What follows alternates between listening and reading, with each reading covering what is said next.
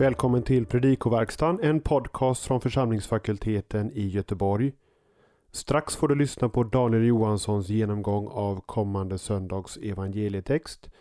Men jag vill nu informera om möjligheten att lyssna på ett par föredrag som spelades in med anledning av Kyrkliga Förbundets 100-årsdag när de hade arrangemang här på fakulteten.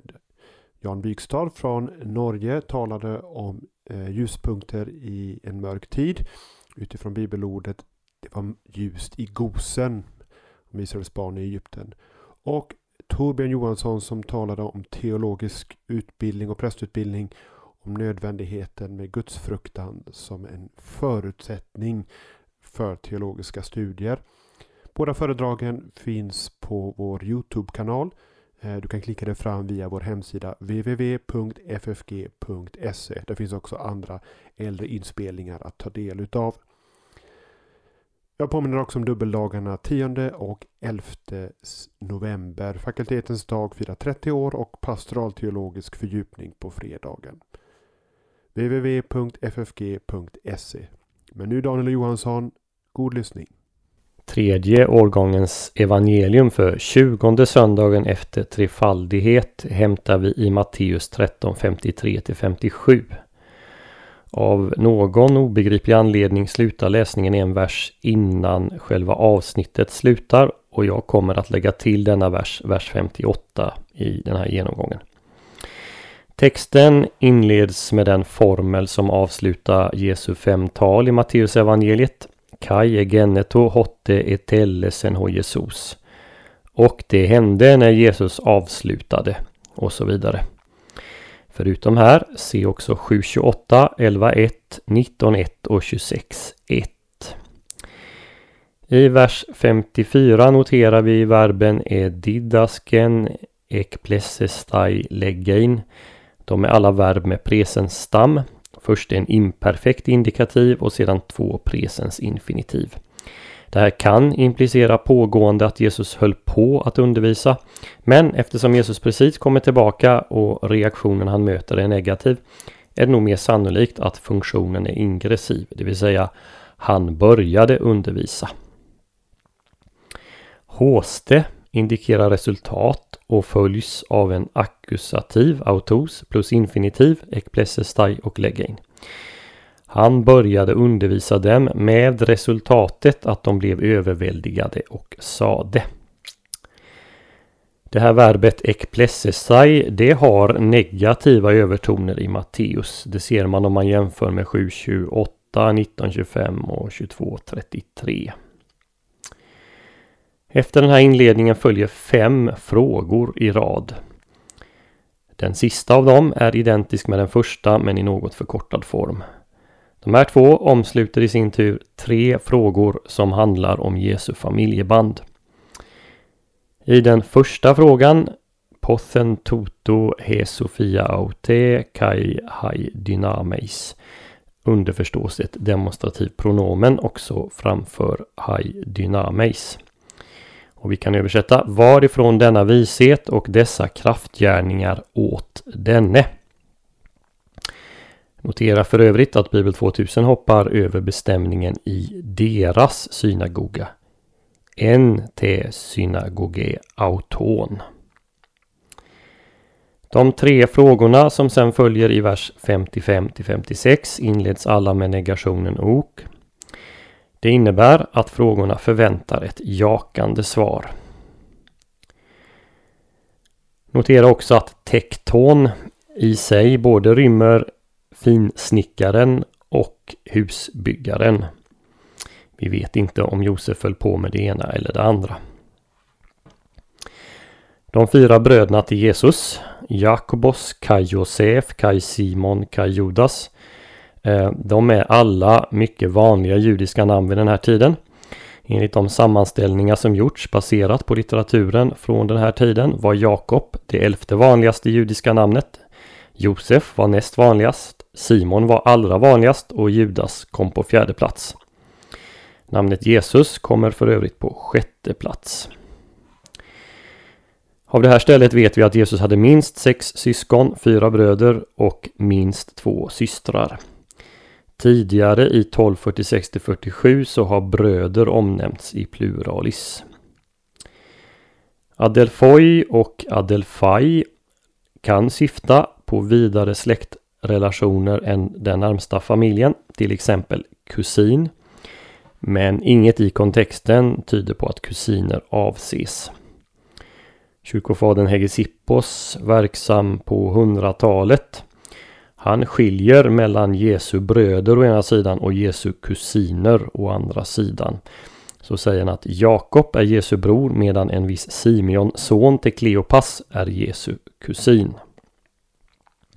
Hieronymus lär ha varit den första som hävdat att bröder står för kusiner.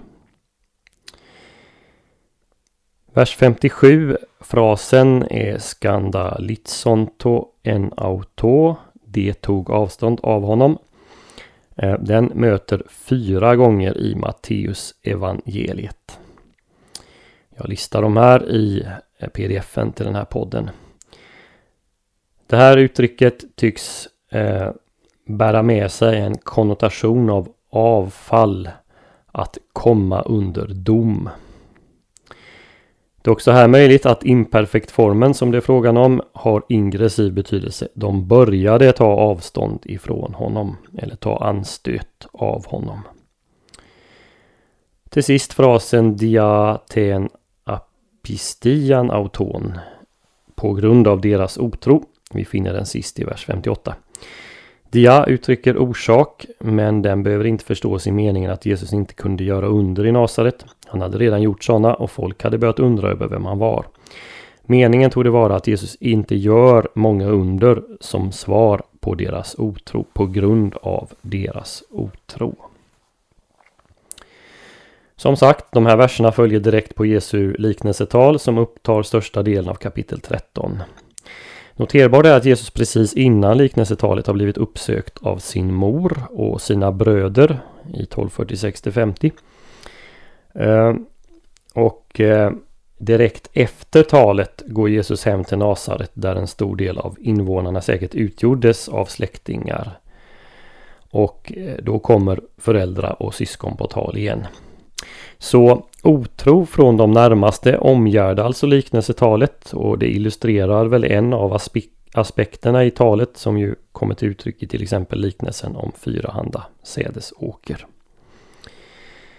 Jesus möter motstånd i Nasaret och mer motstånd följer sedan i nästa kapitel, kapitel 14, särskilt vers 1-13 som beskriver Herodes Antipas och hur han far fram våldsamt. Vi delar evangelieläsning i tre delar. Först 1353 och eh, 54a. Där får vi en bakgrundsbeskrivning. Sedan 1354b till 57a. Nasaretsborna ställer frågor och tar avstånd. Och den tredje delen 1357b och 58 Jesus svar i ord och handling. Matteus berättar att Jesus undervisar i synagogan Eh, men frågan från folket implicerar ju också att han gjort kraftgärningar eller åtminstone att man känner till att han brukar göra sådana. Matteus säger ingenting om innehållet i predikan den här gångerna, eh, gången, men liknelserna i kapitel 13 kan ju mycket väl ha varit en del av undervisningen. Matteus han lägger här sitt fokus på vad folket i Nasaret säger. Han kunde mycket väl ha utlämnat de fem frågorna och sammanfattat det hela med att Nazaretsborna tog anstöt av Jesus. Så frågan är vilken funktion de här frågorna har. Ja, de ger läsarna själva ett tillfälle att reflektera över vem Jesus är. Några kapitel senare, i 16, ska lärjungarna ställas inför frågan om Jesu identitet. Första och sista frågan handlar alltså om varifrån Jesus fått visheten och undergärningarna.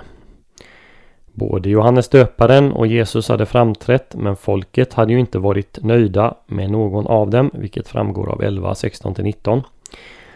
Lite senare kommer översteprästerna att vägra svara på frågan om Johannes döparens fullmakt. Det läser de i 21-23 och framåt. Och strax efteråt kan de inte svara på frågan om hur Davids son kan vara Davids herre 24.41 och framåt. Frågan som ställs av Nasaretsborna blir också en fråga till läsaren. Vem säger du att Jesus har denna vishet ifrån? En visdom som är större än Salomos enligt Jesus själv i 1242. Den andra frågan den blir ironisk. I Nasaret vet man med säkerhet att Jesus är snickarens son. Men läsaren vet att Josef visste att Jesus inte var hans son. I kapitel 2 talar Matteus fyra gånger om barnet och dess mor. Det finns ingen annan far till Jesus än hans himmelske fader. Den tredje frågan har Nasaretsborna lite bättre koll på. De kan namnet på hans mor och bröder. Och ändå på ett djupare plan har de fel igen. För enligt 1246-50 är det lärjungarna som är Jesu familjemedlemmar. Den närmsta familjen tillhör ännu inte den skara som tror på honom. Samma sak med fjärde frågan. De känner hans systrar, men djupast sett är de kvinnor som följer Jesus hans systrar enligt 1250. Folket i Nasaret de undrar var han har sin visdom ifrån, men han får inget svar, åtminstone inget svar som de kan acceptera. De kan inte ta emot honom som profet, än mindre som Guds son. Det de säger om Jesus, det avslöjar vad deras hjärta tror. Kan jämföra med Jesu undervisning i 12.33 37. Det är den otro som tar avstånd från Jesus som möter i Nasares, Nasaret. Och denna otro, apistia, är något annat än den lilla tro som lärjungarna genomgående visar exempel på i evangeliet. Jesus svarar på deras frågor i ord och handling. I ord först med ett ordspråk som tycks vara en judisk variant på olika uttryck för att stora män blir förkastade av sina egna. Men det är mer än ett ordspråk. Temat profeter som blir förföljda är återkommande i Matteus. Först i 5, 11-12 och sedan i 23, 29-36. Jesus blir inte bara förkastad i hemstaden utan framförallt i huvudstaden Jerusalem, platsen som dödar profeterna och stenar dem som Gud sände dit, enligt vad Jesus säger i 23.37. Förkastandet i Nasaret förebådar förkastandet av den ende sonen i Jerusalem. Många kunde nog ändå acceptera att Jesus var en profet. Det antyds i 16, 13-15 och senare i 21, 11 och 46. Men att han skulle vara Guds son, där gick gränsen. De närmsta i Nasaret kunde inte ens acceptera att en profet utgått ur deras krets. Och Jesus lämnade dem åt deras otro. Åtminstone för tillfället. Hans bröder kom till tro på honom efter uppståndelsen och att döma av fornkyrkliga notiser kom fler i släkten att bli stöttepelare i hans kyrka. Du har lyssnat på ett avsnitt i Predikoverkstan från församlingsfakulteten. För att stödja FFG och för Predikoverkstans verksamhet ge en swishgåva på nummer 123 100 8457 eller på annat sätt som finns beskrivet och angivet på hemsidan www.ffg.se. På hemsidan hittar du också information om aktuell verksamhet och resurser som det är fritt att ladda ner och ta del utav.